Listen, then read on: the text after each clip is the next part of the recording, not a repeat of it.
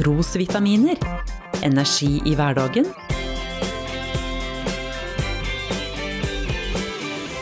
Ved Norea-pastor Svein Anton Hansen.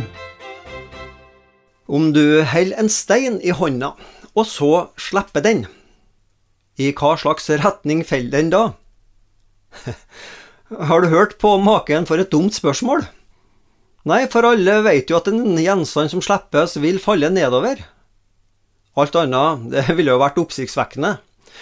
Om det da ikke var en sånn 17. mai-heliumsballong som barnet ditt klarte å slippe taket på. Årsaken til at stein faller nedover og ikke oppover, kaller vi for tyngdeloven, eller tyngdekraften. Hvor tung tror du at ei synd eller ei bekymring er? Noe immaterielt kan jo ikke måles i kilogram. Men du har nok garantert erfart hvor tung ei synd eller bekymring kan føles i ditt indre. Hva da med et sukk? En sånn følelse av oppgitthet?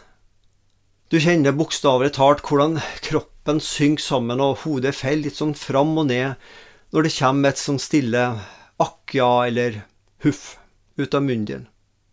Det føles som om sukket faller rett ned på tærne din. De gode nyhetene, evangeliet, det at Gud hører sukka din.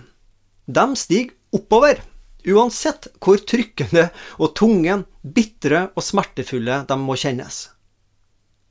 I Salme 38 vers 10 så står det Herre, for ditt åsyn er all min lengsel. Mitt sukk er ikke skjult for deg. Du kan få være trygg på at Herren Gud har så god hørsel og sensitivitet at han merker sjøl det minste og svakeste sukk du slipper ut av hjerte og munn. Sukka, de feller ikke død og hjelpeløse til jorda. Nei, de stiger opp til Han som har valgt å ha medlidenhet med oss i vår svakhet. Glem ikke det når du må sukke over din nød og ensomhet.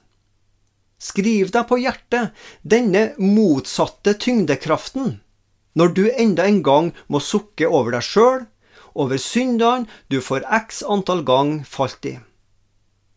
Sukk som er fylt av Den hellige ånd, de kan aldri falle døde til jorden.